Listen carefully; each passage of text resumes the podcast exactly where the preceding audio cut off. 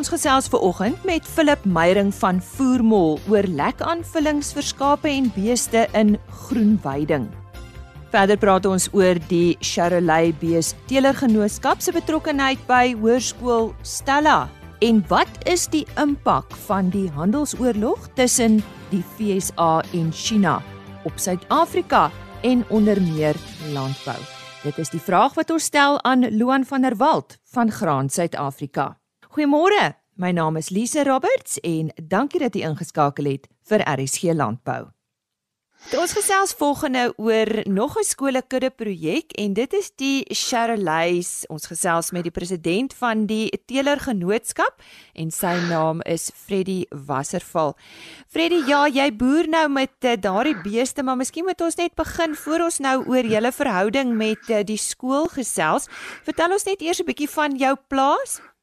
Lise baie dankie, is my voorreg om vanmôre met jou te praat. Uh weet jy, ek boer in die distrik De Wetstorp met Charleys en Drakensbergers. Ek het twee stoeterye. Ek is tydelik president van die Charley Beestelersgenootskap. Uh my eie stoet bestaan so uit 150 koeie en uh ja, en ons wat ons mag hoofsaaklik gebruik uh, is almal geregistreerde koeie by uh en wat ons gebruik uh vir, vir waar het ons ons produksieveilings eenmal 'n jaar hou en uh dit en ek gebruik dit ook op my kruisseelprogram gebruik my Charolais bulle. Hoekom die Charolais? Vertel ons bietjie van hierdie ras, uh, net so 'n paar eienskappe wat jy graag met ons luisteraars sal deel. Weet jy, uh die Charolais ras is 'n Franse ras. Hy so 53 jaar is die Teelersgenootskap gelede is die Teelersgenootskap in Suid-Afrika gestig. Uh die Charolais is 'n unieke ras. As jy gaan kyk na die genokiewes, lê hy totaal weg verwyder van die ander rasse. En wat dit in effek beteken is dat hoe verder die gaping tussen twee rasse is, hoe groter is die heterose met ander die basterkrag wat jy verkry sou daar met kruissteeling geplaas vind. Uh die Charolais primêr baie baie uh gewild in voerkrale en Charolais kruisings. Uh alle voerkrale is is uh, bereid om 'n premie te betaal vir Charolais kalvers. Maar die groot voordeel van 'n Charolais, afgesien dat hy 'n goeie groeier is, sit hy tot op 'n baie later stadium vleis aan en pak hy nie so vinnig vet aan nie. Vet uh vereis tussen 5 en 9 keer meer energie as wat uh spierbou uh, verg. So jy jy moet dit is 'n baie duur ding om vet aan te pak. Dit help vir voerkrale in tye wanneer dit moeilik is en die uh ekonomie stram is en uh pryse laag is, dan kan hulle die diere langer voer en dit is baie koste-effektief. Daarom uh vir die, vir die voerkrale hou die Charolais ongelooflike groot voordele in. Uh ons as genootskap het oor die afgelope paar jaar alle probleme wat in die ras betrokke was, moes ons uitskakel. Dit mag goeie baie dinkwerk en uh baie harde bene moes ons klou het, maar ons het alle probleme, so skawingsprobleme, melk by die koeie, het alles het ons uitgeskakel. Ons het trouens uh onlangs het 'n baie bekende persoon my gekontak toe sê hy was op 'n internasionale boeretoer deur Frankryk en hulle het uh, Charolais plaas besoek en sy opmerking was toe maar hierdie goed sal nie by ons aardeels te groot. Toe sê die Fransman uh in die ander kant dat die dat die uh, programleier was sê toe uh, die Charolais het die unieke uniekheid bereik dat hulle die Charolais verklein het sonder om sy raseienskappe in te boet. So die Charolais dink ek bied uh bied vir enige teeler uh, werklik waar enigiemand wat wat hoegenaamd dink in terme van speenkalvs of vleiskalwers produseer, bied dit 'n oplossing. Dit gee vir hom uh net 'n voordeel afgesien dat hy 'n swaar speenkalf natuurlik speen. Nou jou betrokkeheid by Hoërskool Stella Uh vertel ons bietjie daarvan uh, wanneer en en hoe is jy betrokke? Uh weet jy ons is vir die afgelope 2 jaar is ons betrokke by Hoërskool Stella. Gebeur dit ons is ge, ge, genader deur Plaas Media en uh hulle het gevra dat ons of ons sal betrokke wil raak in so 'n projek. Ons besluit ons gaan Stella skool aangesien die Noordwes 'n baie gewilde deel is vir die Charolais beeste en ons wil graag die jong kinders aan bekendstel het. Uh dit ons onder die teelers het ons 10 verse is geskenk en ons het die verse vir die skool gegee wat dan hulle kyk, hulle maak maak, hulle voorberei vir skoue vir die kinders ensovoorts. En sodra die verse dan die ouderdom van uh 2 jaar bereik, het ons ook gereël vir die nodige aanvanklik is hulle gekaai en die wat nie met die kaai gevat het nie, ons se opvolg wil voorgereël. So ja, uh nee, ons het hulle betrokke geraak en dit is dit is, is ons is baie opgewonde oor die projek wat voorlê. Ja, ek wil juist met jou praat oor uh, jou indrukke van so 'n projek. Uh, uh, deel dit bietjie met ons. Uh, ek dink dit is ongelooflik voordelig vir enige ras want ek dink jy stel jong kinders wat in hulle vormingsjare is, stel jy bloot aan 'n bepaalde ras of 'n bepaalde beeseienskappe en maak nie saak of nou jy Charlies of wat jy maar jy stel hom bloot aan vleisbeeste per se in Suid-Afrika. Ek dink jy jy kweek liefde vir die kind, jy jy uh jy kan vorm die kind se toekoms in terme van sy denke. Uh waarna hy kan streef. Jy leer hom wat wat is om 'n teelbeleid te hê. Waarna wat is jou doelwitte? Uh wat is jou wat is jou drome eendag? So ek dink jy die hele projek skep drome en dit skep verwagtinge en dit dit gee mense dryfkrag. Nou ja, sê daarmee baie dankie aan uh, Freddie Wasserval, hy's president van die Sherrelay Beesteler Genootskap. En uh, hy het 'n bietjie oor sy plaas gesels en ook uh, ja, sy betrokkeheid by Hoërskool Stella met die uh, skole kudde projek. En ek bly ingeskakel want so bietjie later gesels ons ook met Hoërskool Stella. Vir die van julle wat meer wil weet oor die Tuli beesras, hierdie is die veeplaas uitgawe wat jy moet lees. Kyk uit vir die voorblad met die indrukwekkende Tuli bil wat deur Ben Raad van die Donkerhoek Tuli stoet geteel is. Die einste bil is vir 'n hele 100 000 rand op 'n veiling verkoop. Lees in hierdie uitgawe ook oor die kenmerke van Tuli beeste en waarom teelers graag met die diere boer.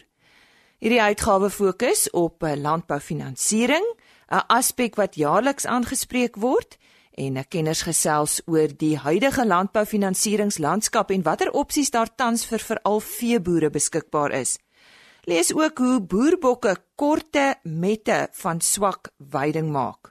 Dan is daar natuurlik weer 'n vrag insiggewende artikels wat fokus op die komende lente.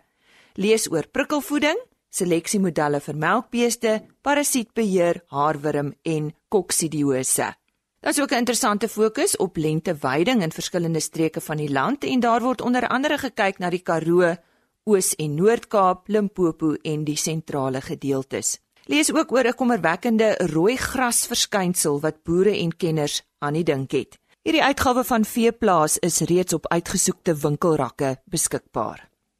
Vir ons gesprek met uh, Voermol sluit ons nou aan by Henny Maas. Ons uh, gesels met Philip Meyering van uh, Voermol, hy's tegniese bestuurder en uh, ons wil 'n bietjie by hom hoor uh, oor 'n paar dinge wat uh, te doen het met amper in 'n sekere sin die die seisoensverandering.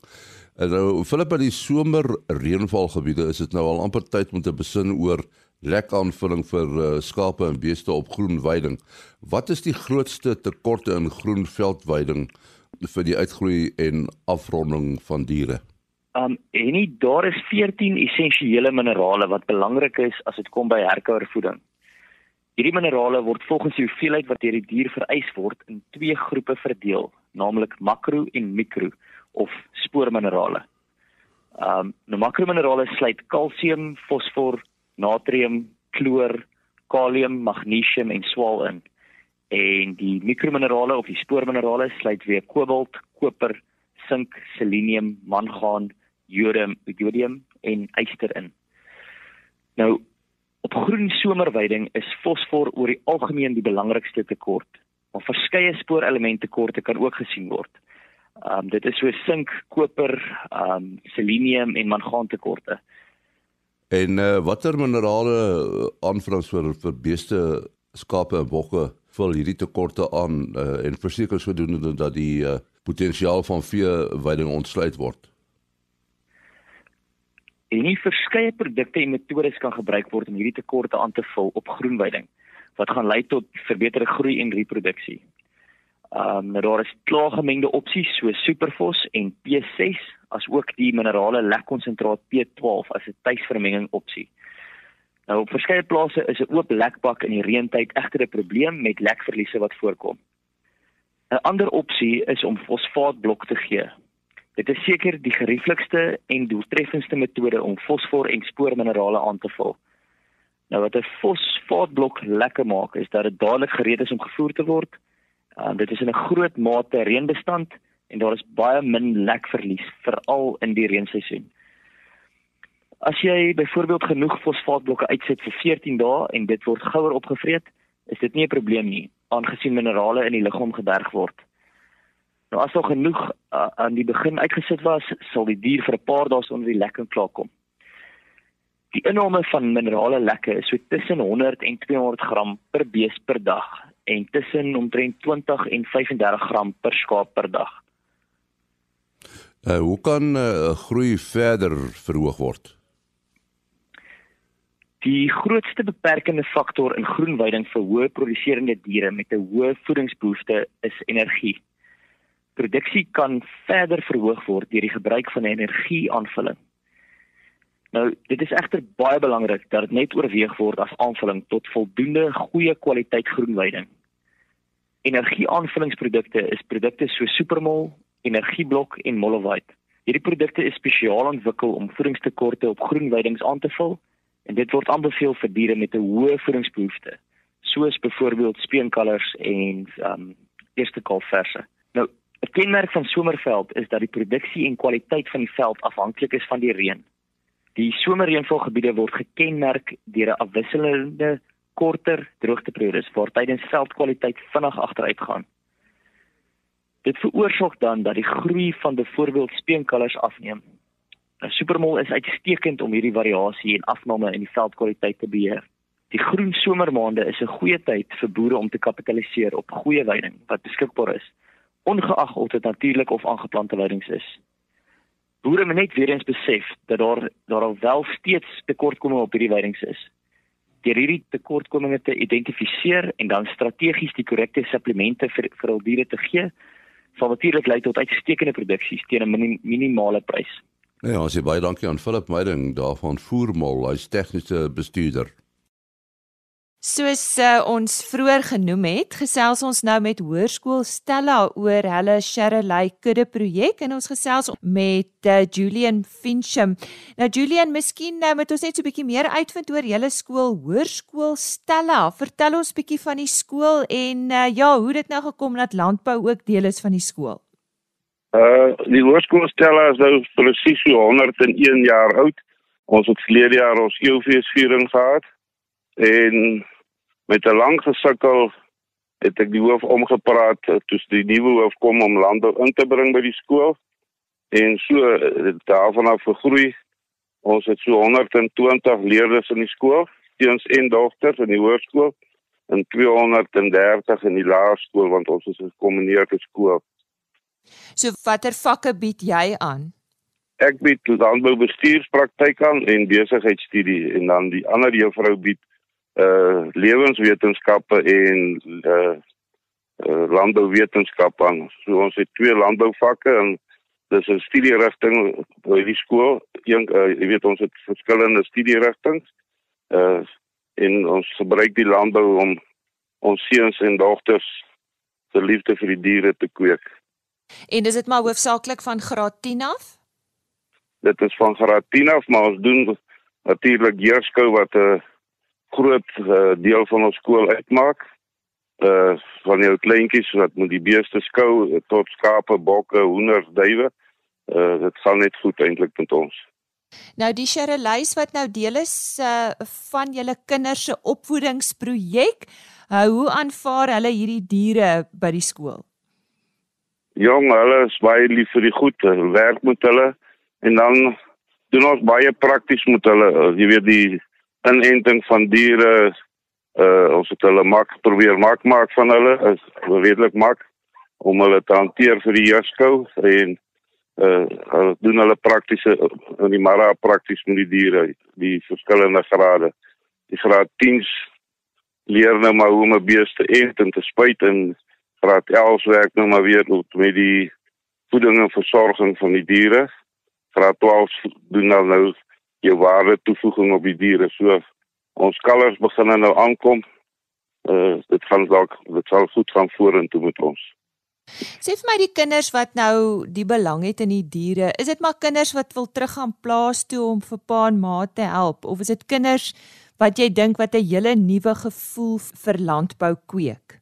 Ek dink daar's baie wat is weet uh, dogters wat vreeslik belangstel in dit. Uh en dis kinders wat nie net van plase afkom wat wil terug aan landbou nie, maar uh, wat hulle regtig kan gebruik omdat albei vakke nou vir hulle punte tel om universiteit toe te gaan. Uh maar die liefde van die diere bly by hulle om eendag ook dalk plaas toe te gaan. Maar in hierdie ekonomiese toestand in hierdie land is dit maar moeilik. En sê vir my die betrokkenheid van 'n teelersgenootskap. Uh van watter waarde is dit vir julle? Dit help ons geweldig by ons skakel nou met 'n teeler ook met Cherylys naby die skool wat dan vir ons baie leiding en raad gee en ons help om hierdie diere te versorg. Die kinders leer dan ook hoe om diere te weeg en al sulke goedjies. En dragtigheidsondersoeke doen hulle ook en dit gaan net goed met ons. En uh sover die skou enige hoogtepunte wat jy graag met ons luisteraars wil deel, uh, Julian? Ons was net verlede jaar by die Alfa week met 'n vers wat ons maak gemaak het. Uh maar hierdie jaar uh 2020 van ons nou ernstig skou, dan is die diere nou almal reg en gereed om al die skoue in die omgewing deel te neem sodat ons ons diere kan adverteer en ons skool kan adverteer om bietjie uit te brei ook. Nee, dit was dan Julian Fincham van Hoërskool Stella wat ons vertel het van uh, landbou by hierdie skool wat eh, 'n uh, trotse kurrikulum is en uh, ook natuurlik hulle Sherelay teelergenootskap se betrokkeheid as deel van die uh, skole kudde projek. Die handelsoorlog tussen die FSA en China duur voort en skep baie beleidsonsekerheid in die wêreldekonomie. Nou dit beïnvloed ook internasionale handelsvloei wat die vloei van landbouprodukte insluit. En uh, ons gesels nou met Loan van der Walt van Graan Suid-Afrika hieroor. Loan, gee eers vir ons 'n bietjie meer agtergrond oor die handelsoorlog en waaroor dit nou eintlik gaan. Goeiemôre. Goeiemôre Elise. Ehm um, ja, nee, kyk as ons praat van die handelsoorlog oor die algemeen, as ons praat van 'n handelsoorlog, dan verwys dit na twee lande of twee of meer lande wat mekaar se handel of die handel tussen die twee lande negatief beïnvloed. Um, om kom ons sê goed soos tariewe in plek te stel of kwotas of enigiets wat dan nou die handel tussen hierdie twee lande uh, negatief beïnvloed op die einde van die dag. Nou dit kan gebeur of dit is as gevolg van verskeie redes. Ehm um, een kan ekonomiese redes wees dat 'n land voel hy moet meer sy markte beskerm of of sy ekonomiese omgewing beskerm en dan sal hy nou tipies hierdie tipe tariewe of kwotas instel teenoor die land met wie hy dan nou handel dryf of aan die ander kant gaan dit ook bietjie wees oor 'n oor 'n magspel. Ehm um, of as ek nou sê magspel, gaan dit maar oor die mag as ons kyk na die grootte van die ekonomie ehm um, en veral in hierdie geval met die handelsoorlog tussen Amerika en China spesifiek. Ehm um, gaan dit vir ons grootliks of lyk dit vir ons of dit grootliks gaan oor bietjie die magkant van dit. Uh China het al aangedui dat hulle hier teen 2050 'n groot en 'n magtige nasie wil wees en aan die ander kant is Amerika wat nou tans die die grootste ekonomie in die land is of in die wêreld is dan nou. Donald Trump het gesê dat uh China se ekonomiese groei of die goeie groei wat hulle kry in hulle ekonomie is grootliks gedryf deur onreëlmatige handelsvoordele wat China trek uit die huidige beleide of of die voor die handelsoorlogse beleide en ooreenkomste tussen hierdie twee lande. So dit is waar die handelsoorlog tussen hierdie twee lande eintlik ehm um, begin het en en wat die wat die ontstaan van dit is. Ja, en dit het natuurlik 'n impak op almal. So wat is die impak daarvan op die wêreldekonomie? Ja, Lisa, as ons kyk na die die groter impak wat dit het, het op die wêreldekonomie in die eerste plek uh, skep dit baie onsekerheid. So dit skep onsekerheid nie net in in lande soos China en Amerika wat nou direk in in oorlog is dan met mekaar nie, maar ook in in ander wêreldekonomieë. So in die hele globale ekonomiese konteks skep dit baie beleidsonsekerheid. Ehm um, as ons kyk na hoe die twee grootste ekonomieë nou met mekaar se handelsvloei beïnvloed het. So die onsekerheid wat dit skep spoel nou maar baie oor na ander lande toe ook en veral ander ontleikende lande uh, soos Suid-Afrika of die kleiner ekonomieë wat dan nou baie hard daardeur geraak word. Ehm um, as ons tans kyk na wat gebeur het in Amerika was daar aanvanklik met die ontstaan van die handelsoorlog of toe Donald Trump verkies is as president, uh, het Amerika goeie korttermynwinste of korttermyn positiefs daar uitgekry en hulle ekonomie het vinniger begin groei maar na mate dit nou langer begin aanhou sien ons dat die Amerikaanse ekonomie teen 'n stadiger tempo begin groei en dan nou selfs China se ekonomie begin ook teen 'n stadiger tempo te groei. So die twee grootste ekonomieë in die wêreld uh, groei nou teen 'n stadiger tempo en dit het nou weer baie oorspoel effekte na lande soos Suid-Afrika toe China se groot handelsvernoot van Suid-Afrika veral in terme van ons harde kommoditeite en met China se ekonomie wat stadiger groei, vind daar stadiger investering plaas. So dit beteken die vraag na ingevoerde produkte soos ons harde kommoditeite in China daal ook weer. So dit het groot oorspoel effekte na ander na ander aspekte toe en ander segmente toe van die verskillende ekonomieë in die wêreld. Goed, nou kom ons kom terug uh, huis toe en waaroor ons gesels en dit is landbou. So wat se impak het dit dan op die landboubedryf as sulks? Ja, lees ons het nou gepraat van die verskillende aspekte wat dit in verskillende bedrywe wat dit beïnvloed, maar as ons kyk na die landbou dan het dit 'n uh, impak op die landbou segment of die landbou industrie van die verskillende lande ook en party produkte dalk bietjie meer as ander. Ehm um, as ons nou kyk na na die landbou is 'n goeie voorbeeld die sojaboonbedryf wat ons gesien het. So die handelsoorlog het die hele vloei natuurlike of of algemene vloei van sojabone in die wêreldkonteks bietjie verander.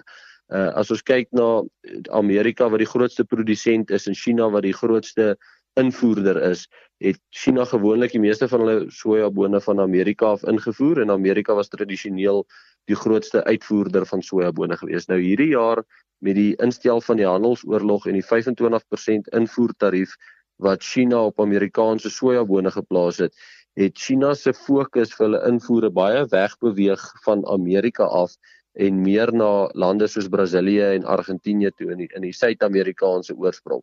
Ehm um, so dit het nou nogals veroorsaak dat Amerika en Suid-Amerikaanse pryse uh sojaboonpryse ver van mekaar af begin beweeg het. Daar was op 'n tyd tussen Brasiliaanse pryse en en Amerikaanse pryse 'n 25% ehm um, wat die Brasiliaanse pryse hoër was as die Amerikaanse pryse. En dit is maar net om op te maak vir daai 25% tarief. So die ander groot impak wat dit gehad het op landbouprodukte um, is dat Amerika nou met groot hoeveelhede sojabone beskikbaar sit by hulle en dit hou die Amerikaanse sojaboonprys onder druk, maar nie net die sy of Amerikaanse sojaboon uh, pryse nie, maar die hele wêreld se sojaboonpryse as gevolg van die oorskot wat nou in Amerika sit. Nou uh ehm um, as so iets gebeur is daar altyd iemand wat miskien aan die wenkant staan. So watter geleenthede skep hierdie handelsoorlog uh, tussen hierdie twee lande vir 'n land soos Suid-Afrika?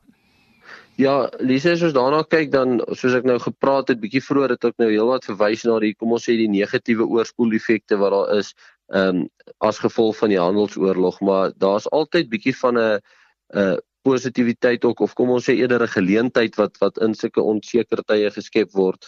Ehm um, hulle sê jy moet nooit 'n goeie 'n goeie krisis mors nie. So een van die geleenthede vir Suid-Afrika spesifiek en as ons dan nou 'n bietjie kyk na die die landboubedryf of meer die ehm um, kom ons sê in die graan en oliesade bedryf omdat China nou minder van Amerika af invoer en meer van ander lande af produkte so sojabone soek spesifiek ehm um, skep dit vir ons daar amper al goeie geleenthede om makliker in die Chinese mark in te kom.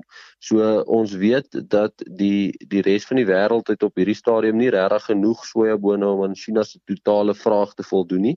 So hulle gaan nie heeltemal niks van Amerika af kan invoer nie, maar uh, met die voortduur van die handelsoorlog sal hulle eerder by ander soveel as moontlik ander bestemmings probeer sojabone in die hande kry Ehm um, en dan regtig net die laaste wat hulle nodig het van Amerika af invoer. So ons weet China het baie streng protokolle en ehm um, wat dit moeilik is baie keer om hulle markte in te kom, maar hierdie geleenthede skep weer 'n bietjie geleenthede omdat China ander ander gedeeltes of ander wêreldlande soek om aan hulle te voorsien. Ehm um, skep dit wel geleenthede daar om bietjie meer in daai mark in te kom. Uh en dit is nou bietjie meer produk of kommoditeit spesifiek. Maar vir 'n land soos Suid-Afrika wat wat bekend staan vir hulle goeie produksies en goeie kwaliteit en ehm um, die mate mate waartoe ons produksie uitbrei, ehm um, skep daai ekstra markgeleenthede vir ons daarom bietjie ekstra geleentheid om markte in die buiteland vir onsself te skep. Ja, ons is bly om dit te hoor en so sê uh, Loan van der Walt, hy's natuurlik ekonom by Graan Suid-Afrika en hy het met ons gesels oor die handelsoorlog tussen die FSA en China en hoe dit uh, vir al die landboubedryf ook in Suid-Afrika beïnvloed. Dis dan RSC landbou vir vandag. Uh, maak gerus môreoggend weer so. Ja, skakel die radio aan net so skuins na 05:30. Ek gesels dan met uh, minister van landbou in die Wes-Kaap, minister Ivan Meyer oor landbouomstandighede, die uitdagings en die suksesse ten spyte van die droogte. Onthou indien nou enige iets is wat u misgeloop het op RSG landbou besoek gerus www.agriorbit.com Op daardie webtuiste word al ons onderhoude apart gelaai. Klik net bo aan die bladsy op radio en video en dan RSG Landbou en al ons onderhoude word daar gelys. Ek herhaal die webtuiste, dit is www.agriorbit.com. RSG Landbou is 'n produksie van Plaas Media. Produksieregisseur Henny Maas Aanbieding Lisa Roberts. En inhoudskoördineerder Jolandi Root.